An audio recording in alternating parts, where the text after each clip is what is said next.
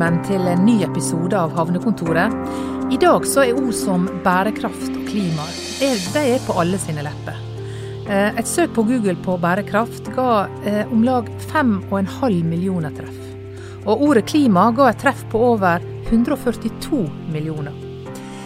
Så det blåser altså en bærekraftsvind over hele verden, og ikke minst i Norge.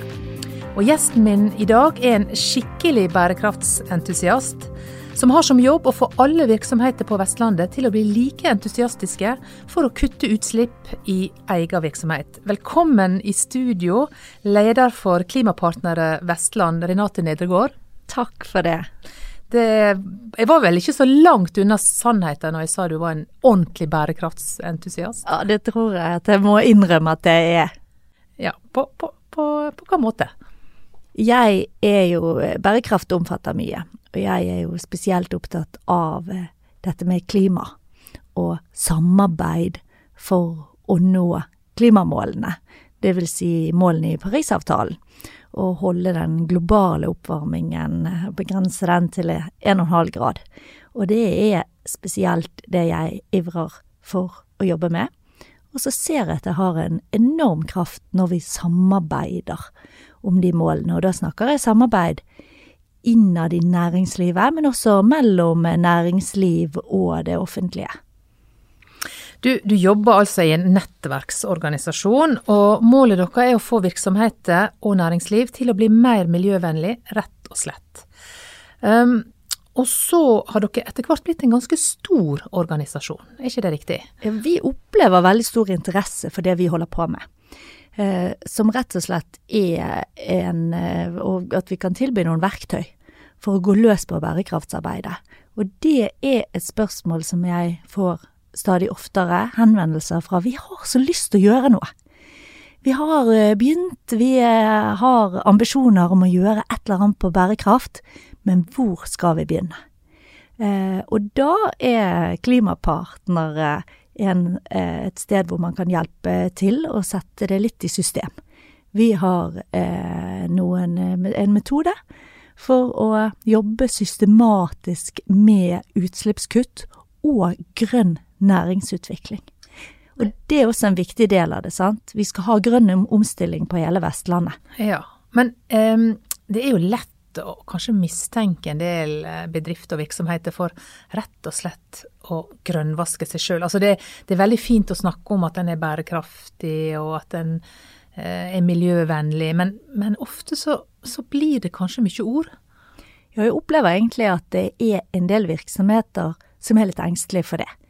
Men det er gjerne de feile virksomhetene som er engstelige for det, for det viser seg at de som allerede har tenkt igjennom og er opptatt av at de ikke vil drive med grønnvasking, de har allerede kommet ganske langt. Så jeg opplever nesten det motsatte, at de er for redde for å fortelle hvor gode de er, i frykt for å bli anklaget for grønnvasking. For det er veldig mye bra arbeid som foregår når det gjelder utslippskutt. Og det med grønnvasking tror jeg ofte handler om at man føler at man ikke har nok kunnskap. Man er ikke helt sikker på er dette et tiltak som faktisk virker, eller tabber vi oss ut hvis vi forteller og skryter av at dette er vi gode på. Mm. Og den kunnskapen skal jo litt til å opparbeide seg, da? Det er litt spesielt fordi at dette er en kunnskap som nesten ingen har med seg fra før. Det er nytt for alle. Og det er jo vi veldig opptatt av i Klimapartnere. Å være en eh, formidler av kunnskap, men også at vi driver med kunnskapsdeling og erfaringsdeling. Og sikrer at vi kan være litt mer trygg på det vi snakker om. Og da er det jo sånn at de som er best på dette i dag, de var kanskje helt ferske bare for ett år siden. Så vi må lære oss dette sammen. Du, du sier at det er stor interesse for å bli, bli med i Klimapartnere. Hvor, hvor mange virksomheter har dere nå? Nå har vi 65 virksomheter i Vestland. Små og store fra offentlig og privat sektor, og en håndfull kommuner som er de kommunene som ønsker å ta en posisjon aller fremst i det grønne skiftet. Mm, og så er dere jo også representert i resten av landet. Um, dere vokser overalt, eh, skjønner jeg. Ja, og det er utrolig kjekt, for det er ikke mange år siden hvor det var to klimapartnerregioner. Det var Agder og Hordaland, og nå er vi til stede i hele landet med til sammen over 300 partnere. Og det ligger det veldig mye kraft i. Så er det jo én ting, da, at når du blir medlem i Klimapartnere, så forplikter du deg til noe. Det, det nytter ikke bare å, å, å, snakke om det og fortelle gode historier om hvor flink en er. En må altså forplikte seg til å levere et regnskap, et klimaregnskap. Åh, oh, det høres jo litt sånn ambisiøst og kanskje litt tungt ut, men du er en skikkelig klimaregnskapsnød, klimaregnskapsnerd, Renate. Jeg elsker klimaregnskap! Jeg eh, har jo, når jeg har satt meg inn i det og lært meg hvordan det fungerer, så jeg har blitt forferdelig glad i klimaregnskapet. Og det henger jo sammen med at vi, for at vi skal lykkes med å nå målene i Parisavtalen og stanse den globale oppvarmingen, så må vi sette oss mål. Og hvordan kan vi nå målene våre hvis vi ikke måler? Og det er altså klimaregnskapet, der har du det som et veldig, veldig nyttig verktøy som hjelper deg å få oversikt over egne utslipp, og dermed også kan legge en plan for hvordan skal vi kutte, hvor skal vi kutte, og hvordan kan vi legge en plan for å nå målene våre, for eksempel om å bli fossilfri i 2030, som vi utfordrer alle partnerne våre til å sette seg som et mål. Hva er det en skal måle seg på? Har du noen det, eksempel? Ja. Klimaregnskapet, det kan jo høres eh, litt sånn uoverkommelig ut, nesten, fordi at vi bruker noen ord som kanskje ikke er like kjent. Så kaller vi det regnskap, og så tenker vi sammenligner vi kanskje med et økonomisk regnskap. Og det er nok ikke helt den måten vi lager et klimaregnskap på. Eh, vi ser på det som vi kaller skop 1, skop 2 og skop 3, og det høres, hvis man ikke har satt seg inn i det, så høres det veldig fremmed ut. Men det er ganske enkelt. Fordi at skorpion 1 handler om de direkte utslippene som du som virksomhet står ansvarlig for. Og skorp 2, det handler om elektrisitet, og det snakker vi jo masse om for tiden, og kabler, og hvor kommer strømmen fra, og hvor grønn er den, osv. Men eh, det synliggjør da at å spare strøm der sparer du også klimautslipp. Og så er det skorp 3, og det er de indirekte utslippene. Det er veldig lett å bli overveldet og si åh, ja, men jeg har jo byttet til elbil, men så hørte jeg dette om kjøtt, og så var det noe med avfall, og hva hjelper egentlig? Oi sann, ja, men eh, vi, det nytter jo ikke å kutte utslipp hos oss hvis det viser seg at det vi kjøper fra Kina er, kommer fra kullkraftverk. Og det er jo nettopp det klimaregnskapet kan hjelpe til å få litt oversikt over. Og vi utfordrer alle til å gå løs på de direkte utslippene først. Det er enklest å få oversikt over, og det er også enklest å kutte. Mm. Og det er så motiverende. Mm. Når du først får oversikt, så ser man ja, men hei, her er det noen tonn eh, som vi faktisk har kontroll over. Alle monner drar jo, men, men kan du si litt om hvilken type historie er det der ute? Hvilken type mm. tiltak er det virksomhetene jobber med som, som du kunne tenke deg å, å løfte fram, da? Jo, eh, det er jo som du sier at når man setter seg ned og begynner med klimaregnskapet, så blir man også oppmerksom på hvor er de store utslippene som vi bør ta ansvar for. Eh, og et eksempel som kanskje er noe av det enkleste, det er en uh, fantastisk virksomhet uh, som er uh, Norangro KJ Brusdal her i Arna. Som er en, virkelig en pådriver for å kutte utslipp. Og så kan man tenke, hva driver de på med da? Mye transport, og mye tungtransport. Hvordan går det sammen med å sette seg klimamål og kutte utslipp?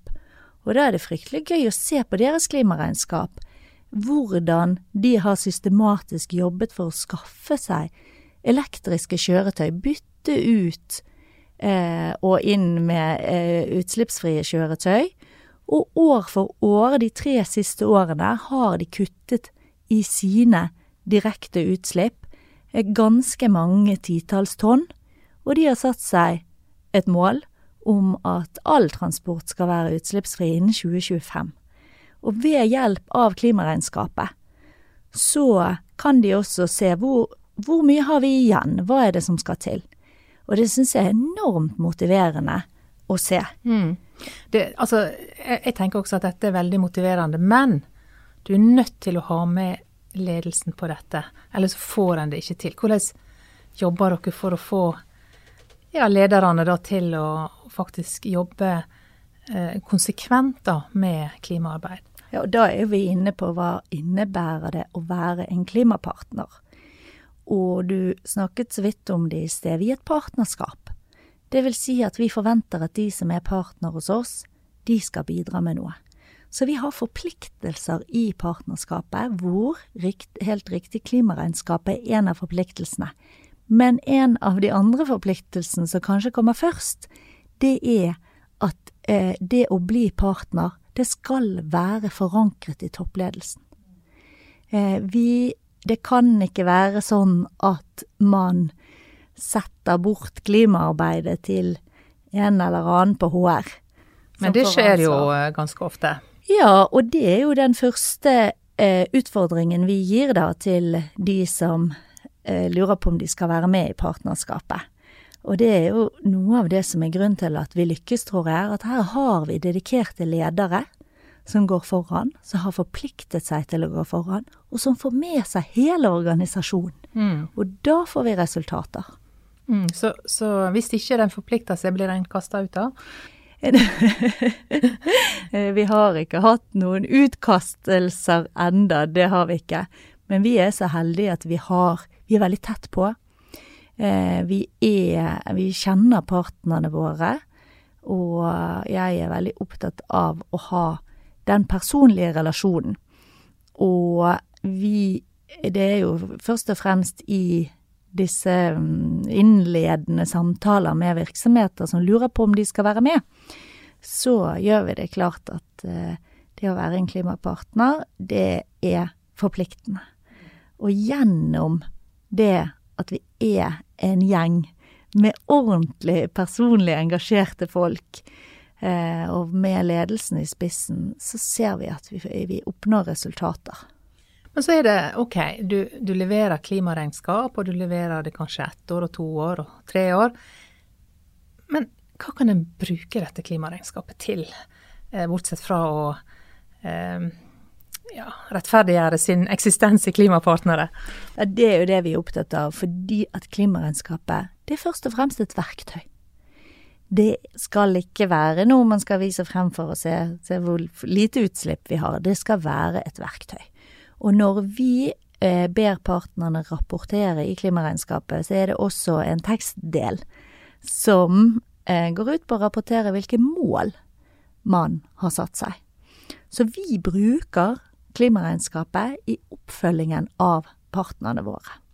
Og så utfordrer vi partnerne til å bruke eh, klimaregnskapet også i arbeidet med det strategiske klimaarbeidet i virksomheten Og løfte det opp i det overordnede strategiske arbeidet.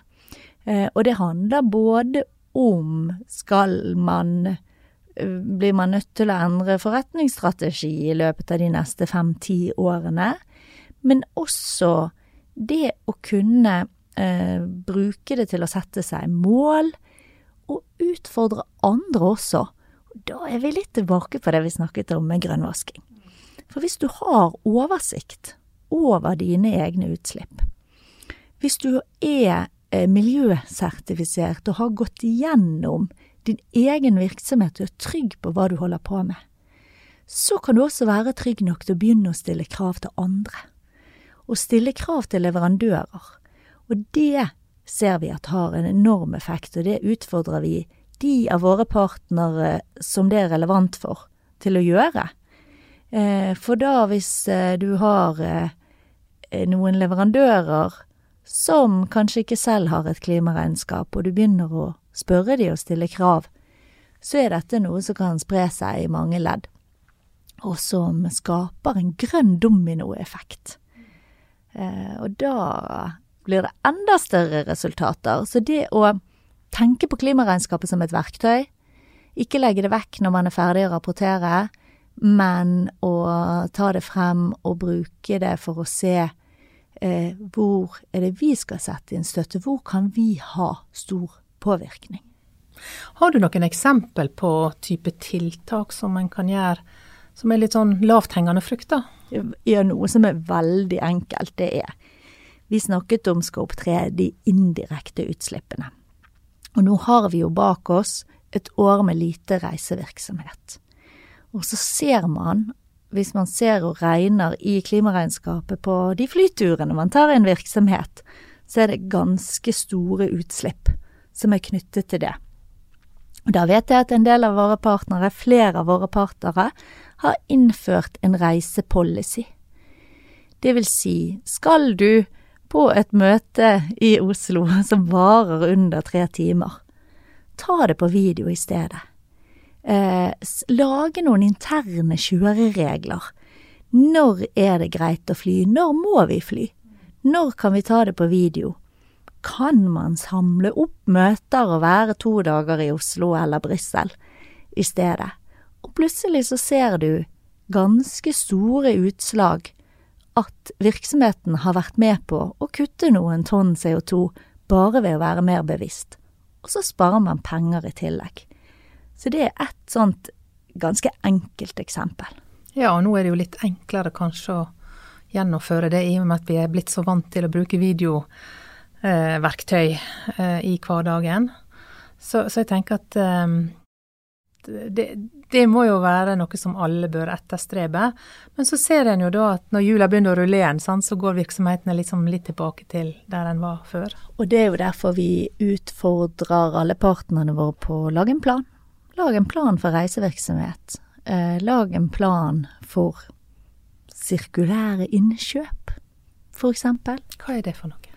Ja, eh, der har vi jo et godt eksempel fra fylkeskommunen, eksempel som ser at eh, det er enorme mengder med møbler som blir kjøpt inn, og så blir det kastet, og så passer det ikke lenger, så kjøper man nye. Og der har de rett og slett hatt en ganske systematisk gjennomgang, og har laget en egen plan for hvordan skal man eh, ta vare på og kartlegge de møblene man har, så istedenfor å bestille en ny pult, så kan du eh, ta kontakt med da denne eh, nye sentralen hvor de har eh, skaffet seg oversikt, og ikke minst hvor de har en plan for å reparere ting istedenfor å kaste de.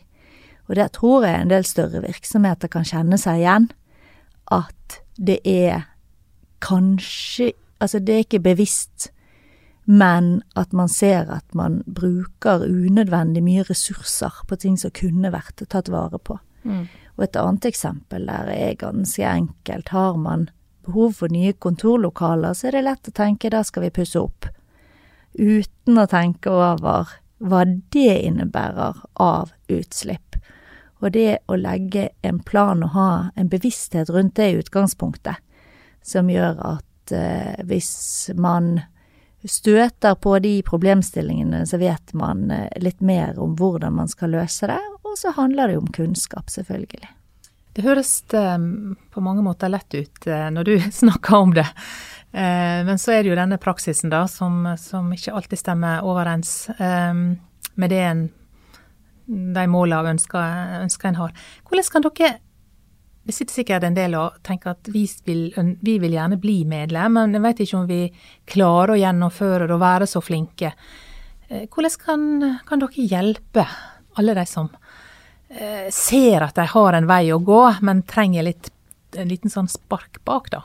Jeg utfordrer alltid alle til å sette seg et mål. Å sette seg et mål som også er relevant for deg og din virksomhet. For det kan være lett å tenke at åh, oh, ja, men vi har det ikke sånn. Det er umulig for oss å bytte alle kjøretøyene våre til elektriske. Men det å sette seg mål og si at kanskje vi skal gjøre det i løpet av ti år, fordi da vet man hvilke veivalg man skal ta underveis.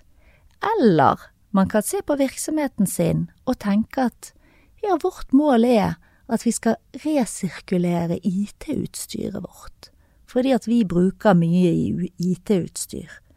Og så er det så fint, for det står mange klare til å hjelpe. Eh, og i Klimapartnere så er vi opptatt av å hjelpe hverandre i partnerskapet. Noen har testet noe, og noen vet noe, og da er det utfordrer vi alle til å ta den praten med hverandre. Og så er jo vi tilgjengelige rådgivere. Men uten at man er med i Klimapartnere, så tror jeg det er viktig å huske på at de aller fleste er interessert. Så snakk med din leverandør, er det neste store tipset. Det er eh, still spørsmål. Hvis du er en kunde, enten det er kontormateriell eller IT-utstyr, spør de hva har, har dere et klimaregnskap? Hva er deres eh, bærekraftsstrategi? Og så kan det jo vise seg at eh, du kan få veldig mye hjelp eh, bare ved å stille det spørsmålet. Mm. Jeg syns det er skikkelig motiverende å, å, høre på det du har på hjertet, Renate. Og jeg tenker at dere kommer sikkert ikke til å få færre medlemmer i, i tida som, som kommer. Eh, og med det så runder vi av denne episoden av Havnekontoret. Takk for at du ville være med i studio, Renate Nedregård. Tusen takk for at jeg ble invitert. Og takk til deg som lytter på, på denne episoden og på de andre podkastepisodene fra Bergen havn. Vi er snart tilbake med nye episoder.